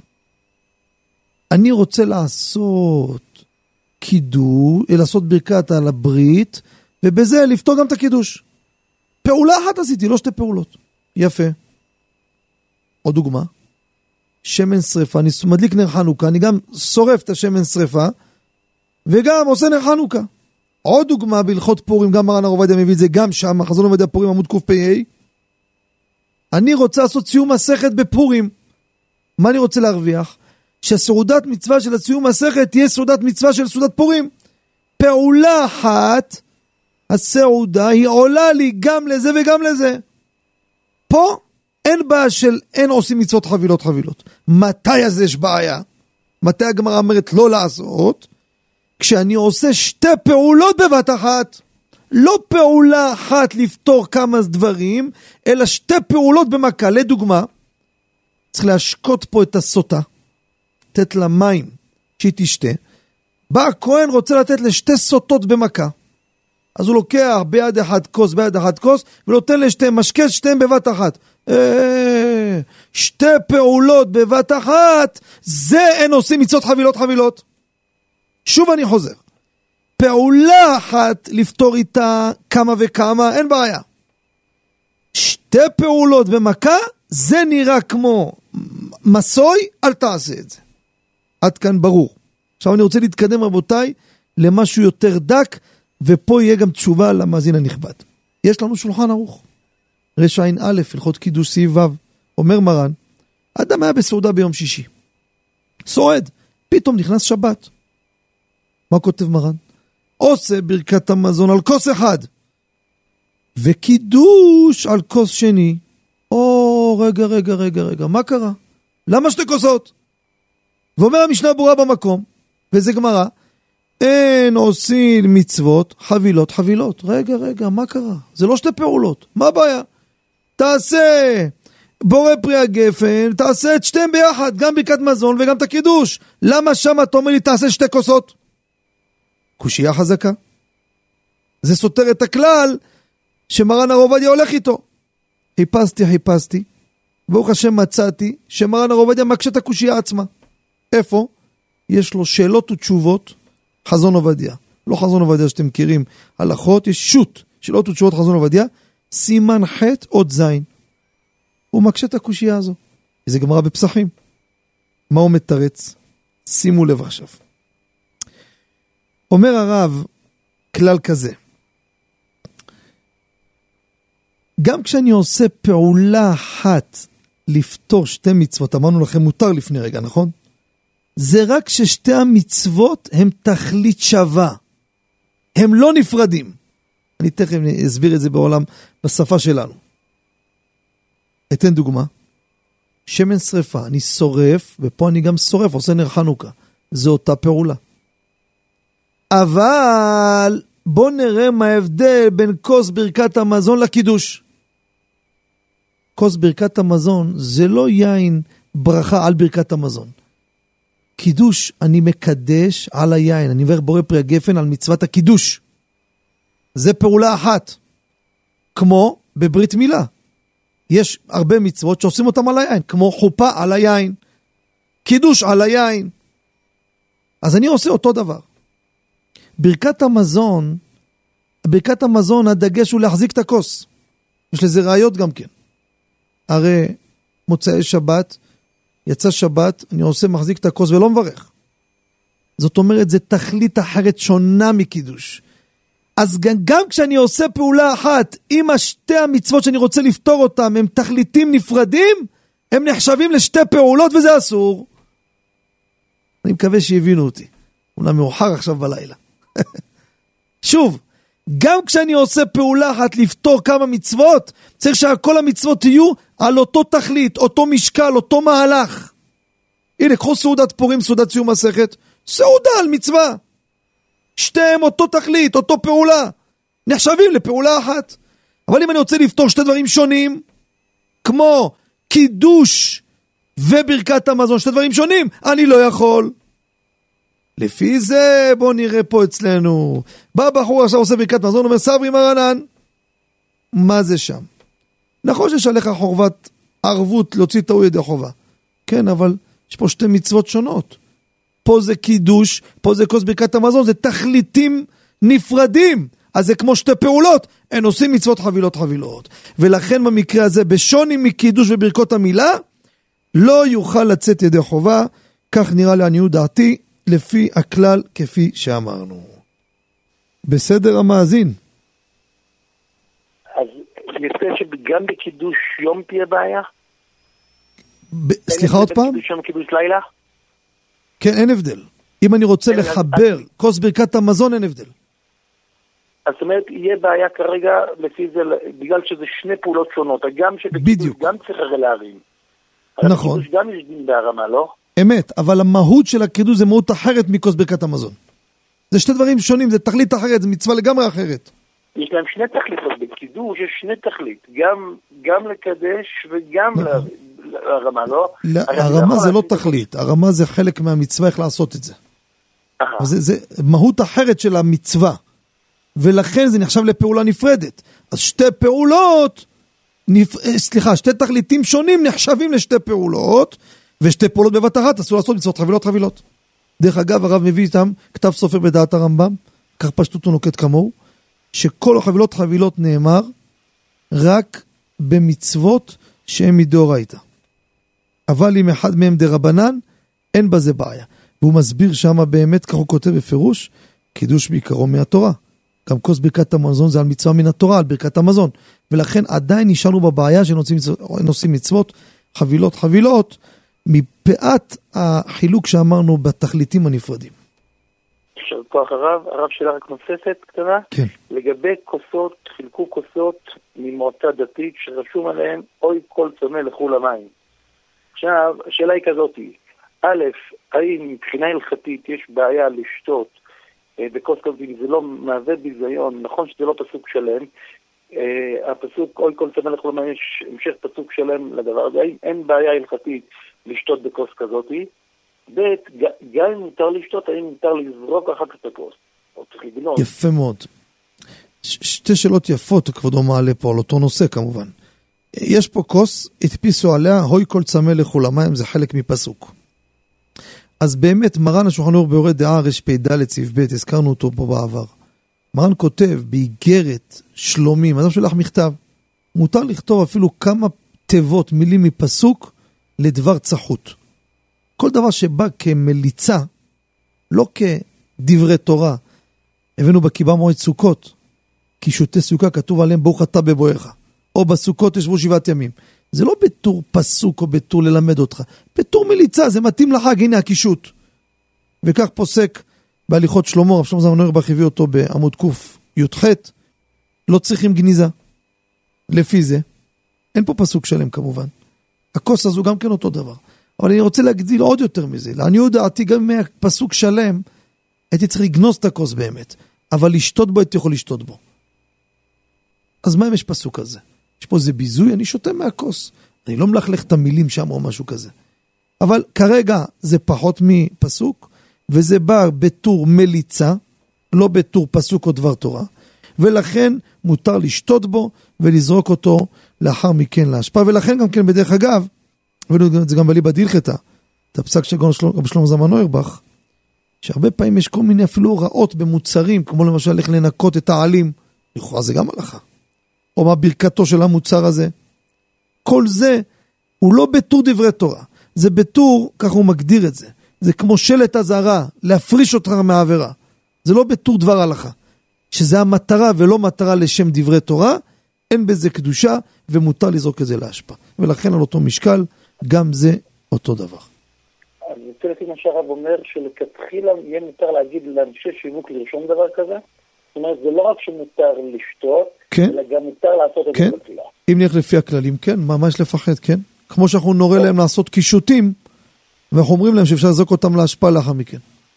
שהקישוטים האלו יש בהם רק כמה מילים כמליצה. כן, עכשיו, אם אני אוכל להקצין את השאלה הזאת עד הסוף, האם מותר להשתמש בדבר כזה לתשמיש ביזיון? דוגמא, אתם יש שקיות שרשום עליהן ש- שם של אני הבנתי, הבנתי את כבודו. זה שפע ברכת השם, אני לא יודע אפילו אם זה בא בתור אה, חלק פסוק או מליצה. הוא מתבטא ככה, הוא לא שם שם שם השם. אני, אין אין שם, אפילו, אפילו זה לא, לא לקחו פה משהו שאני אחשיב אותו כמליצה. השתמשו בזה, תגיד לי, ויש חסד מה? הנה, אמרת חסד. אה, יש הרבה דברים שהם הם אפילו לא נכנסים בקטגוריה הזו, שם בכלל. אבל באוי כל צמא לכו למים, אני באמת חושב בגדר, אתה יודע, ב- ב- לא, לא, לא, לא יכול לומר את זה הלכתית, אני חד משמעית אומר. בתור רגש יהודי. אני אמרתי כמה פעמים שתמונות של רבנים אפשר לזרוק לפח. תמונות רבנים אפשר להכניס לשירותים. ככה מבואר בפוסקים, אין בזה קדושה. יש מאזינים שומעים את זה נבהלים. טוב, טוב מאוד. כוונה, זה, זה רגש. שאל אותי מישהו בשיעור, מותר לקרוע תמונה של רב? על אותו משקל שכבודו אומר. אמרתי לו, סטופ, עד כאן. מה, מה קרה? מה אתה... לעשות מעשה ביזוי, זה מראה פה כאילו אתה... זה לא, זה לא סתם, אתה, אתה קראת פה משהו, יש פה איזה, תמונה זה מסמן משהו. אני לא אומר אחד שלקח כוס וזה, לא שם לב וקרא, שאני אגיד שעשה חטא, כן? אבל אתה יודע, דבר שזה בולט ועושים, זה, זה קצת יותר אה, אה, הרוח, איך אומרים, הטור החמישי, בוא נקרא לזה. הרגש היהודי לא נותן לעשות דבר כזה.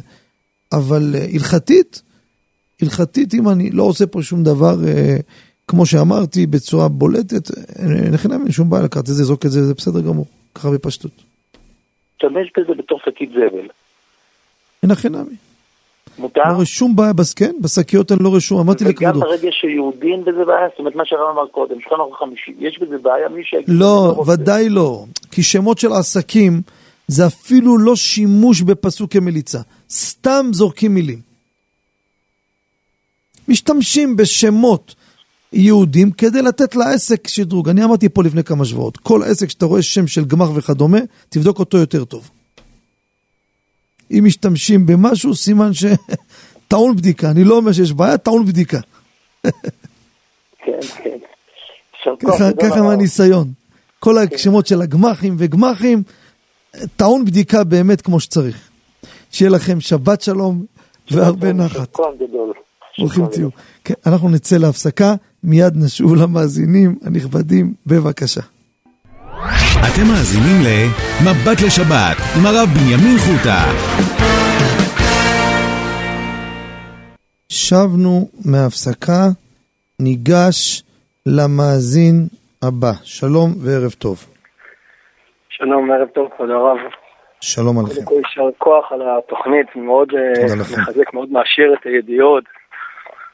רציתי לשאול, אה, בין המצרים אה, אנחנו לא שומעים מוזיקה, אבל בן אדם שרוצה לעשות פעילות גופנית, כמו ריצה או דברים כאלה, והוא רגיל לשמוע מוזיקה בשביל... זה עוזר לו, קשה מאוד לעשות פעילות גופנית בלי. האם מותר בימי בין המצרים לשמוע מוזיקה קצבית כדי לעודד את הפעילות גופנית, או שלהימנע מזה? שאלה יפה מאוד. הרבה אנשים שומרים על בריאות, עושים התעמלות, יש מקומות שזה קבוצות. האם מותר לשמוע בימי בין המצרים מוזיקה כשאדם עושה התעמלות? אז אני אגיד לכם בקצרה מה שהבאנו בספר קיבה מועד עמוד ל"ב בארבעת תניות ובין המצרים. הלכה למעשה, עד ראש חודש אב מותר הדבר, אבל בתנאי, אני רוצה להדגיש. יש שני סוגי מוזיקה שאדם רוצה לשמוע בזמן ההתעמלות. יש אחד עושה הליכה, עושה ריצה, לא משנה מה. אז הוא משעמם, לא רוצה לשמוע מוזיקה. זה ודאי אסור. אבל יש סוג מוזיקה שהקצב של המוזיקה הוא נותן לאדם את הקצב ואת הפעולות לפי התוכנית שהוא זקוק או שלא זקוק, לא משנה, שאיתה הוא עושה את הבריאות, את הכושר לפי מה שהוא עושה.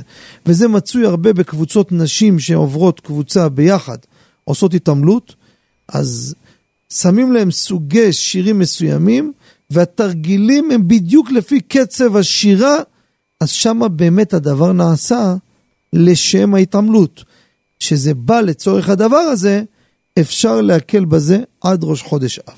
אבל להגיד, שמע, אני רוצה לשמוע מוזיקה, עכשיו שעה עושה התעמלות, להסיק את הראש, זה משעמם וכולי וכולי, זה אין היתר בשמיעת מוזיקה בימים האלו. אותו דבר, הרבה פעמים שמיעת המוזיקה היא לא בתרה לשם מוזיקה. דוגמה, דוגמאות שגם עדיין, מה זה? דוגמאות שהן אקטואליות. לדוגמה, אדם צופה באיזה משהו, סרטון מסוים. שצריך משהו חיוני שהוא צריך לראות למשל. ועשו שם כדי שלא יהיה משעמם בצפייה, ניגון. לא בתור מטרה לשמוע את הניגון, המטרה היא כדי שאתה תוכל לצפות, להעביר לך את ה... להנעים לך את הצפייה. לא בתור שיר. או המתנה למשל שהוא מתקשר לאיזה מקום. בהמתנה שמים לו שיר. יש כאלו שאמרו לכתחילה ודאי אם אפשר לנתק את זה, אבל לא תמיד זה אפשרי. אני לא יוריד את השפופרת, אין לי מטרה לשמוע שיר. עכשיו הזמן של ההמתנה, במקום להתעצבן שמייבשים אותי בקו, שמים לי איזה משהו על הדרך, לא מטרה לשמוע שיר. אותו דבר למשל, לפעמים אני אגיד לכם דוגמה קיצונית, כתבנו את זה בקיבה מועד. אדם עושה נסיעה בלילה, נוסע. הוא 12-1 בלילה מתחיל לראות, תשמע, הולך להירדם. ברור שאני הייתי אומר לו, תעצור, תניח את הראש, תוריד את הראש, ו... אבל האדם אומר, תשמע, זה לא יהיה, אני לא אעשה את זה. מחכים בבית, אם אני אוריד את הראש, אני יכול להתעורר בבוקר, זה כביש, כל מיני סיפורים. אז מה אתה רוצה לעשות? כדי למנוע סכנה, אני פשוט שם ווליום של מוזיקה בימי בין המצרים. לא בשביל לשמוע שירים חלילה, לא בשביל לשמוח. זה פשוט יעיר אותי, תן לי פה גם עוצמות של רעש, גם יקפיץ לי את כל ה... ככה אדרנלין כמו שצריך, ואז אני מתעורר, אני ממשיך לזרום בנסיעה. אז מה המטרה? לא לשמוע שיר או ליהנות או לשמוח. רק כדי לשמור, רק כדי חלילה לא תהיה תקלה. הבאנו בזה, ודאי שמותר לו לשמוע שירים בצורה הזו, לפי כמו שאני תיארתי לכם, לא אופציות אחרות. ולכן גם לאותו סיבה גם כן מותר להשמיע שירים, להרגיע ילדים וכדומה, אף שהמבוגר שומע, אין לו מטרה ליהנות. מטרה של השיר למטרה אחרת לגמרי. בעזרת השם בשבועות הקרובים אנחנו נקיף, נגע בעוד ועוד פרטים אקטואליים, אבל זו התשובה למעשה בשאלה הנפלאה שכבודו שאל. שיהיה לכם שבת שלום ובשורות טובות. יישר כוח גדול, חזק וברוך. כן, יישר כוחכם. נעבור למאזין הבא. שלום וערב טוב. שלום, ערב טוב, כבוד הרב. שלום עליכם. אה, קודם כל תודה על השיעור, ממש נעימים. תודה לכם. רציתי לשאול לגבי, אני עובד בתור מלקט, ואני מפעיל מלקטת, שזה כאילו מכונה שמרימה אותי לגובה נגיד 12 מטר בערך, ונוסע בכל יום, אוסף ציוד במסן. ואני כמעט כל, כל השעות העבודה שלי, כמעט תשע שעות נמצא עליה, נוסע עליה. שזה ודאי עובר את ה-72 דקות. השאלה אם אני צריך לעשות את הגומר על דבר כזה, אם זה נכנס בגדר של כאילו... שאלה יפה ביותר, כבודו שואל. אז הנה נכבד, עובד שמונה ותשע שעות על מכשיר, על מלגזה נקרא לה, מלקט. אותו, אותו רישיון. אותו רישיון. עומד טפס 12 מטר לגובה, משם הוא אוסף מהמדפים כל מיני מוצרים, ומשם זה יורד למכולות, למשטחים, ואורז ויוצא למשלוח, לא משנה באיזה תחום. שואל המאזין, תשמע, אני לא 72 דקות, אני פה על המכונה נוסע, זה כביש. בפרט כלי לא פשוט. יברך הגומל או לא, או תפילת הדרך. אז אני אגיד לכבודו בתמצית העניין.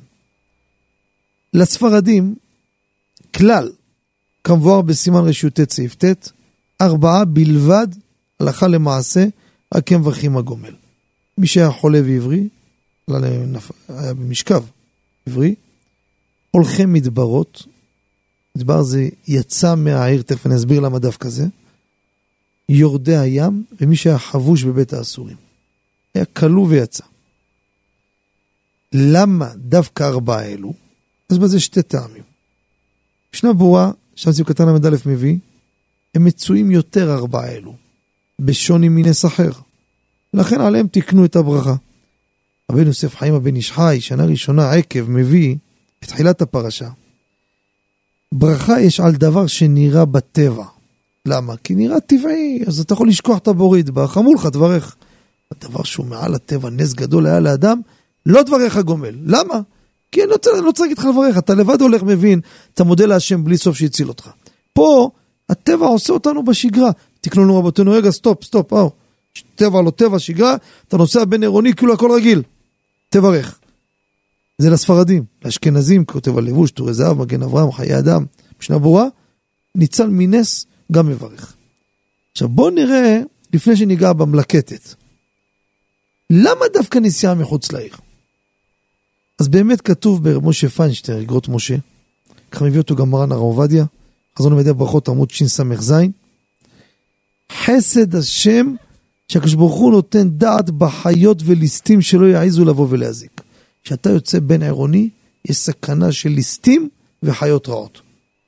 שהשם מונע מהם לעלות למסלול, לבוא לתקוף את האדם שהוא יוצא למדבר, לדרך, בין העירוני, על זה תקנו את הברכה של הגומל ותפילת הדרך. בוא ניגש לסיפור שלך. אמת. כלי לא פשוט, השם ישמור אתכם, את כולם. אני לא יכול לקרוא לזה אפילו נס. זה שגרה, אתה מתפקד רגיל. חס ושלום שלא יהיה, כן, אם חס ושלום מישהו קרא לו משהו ונפל וניצל, גם זה רק לאשכנזים יברך הגומל. ספרדים גם זה לא.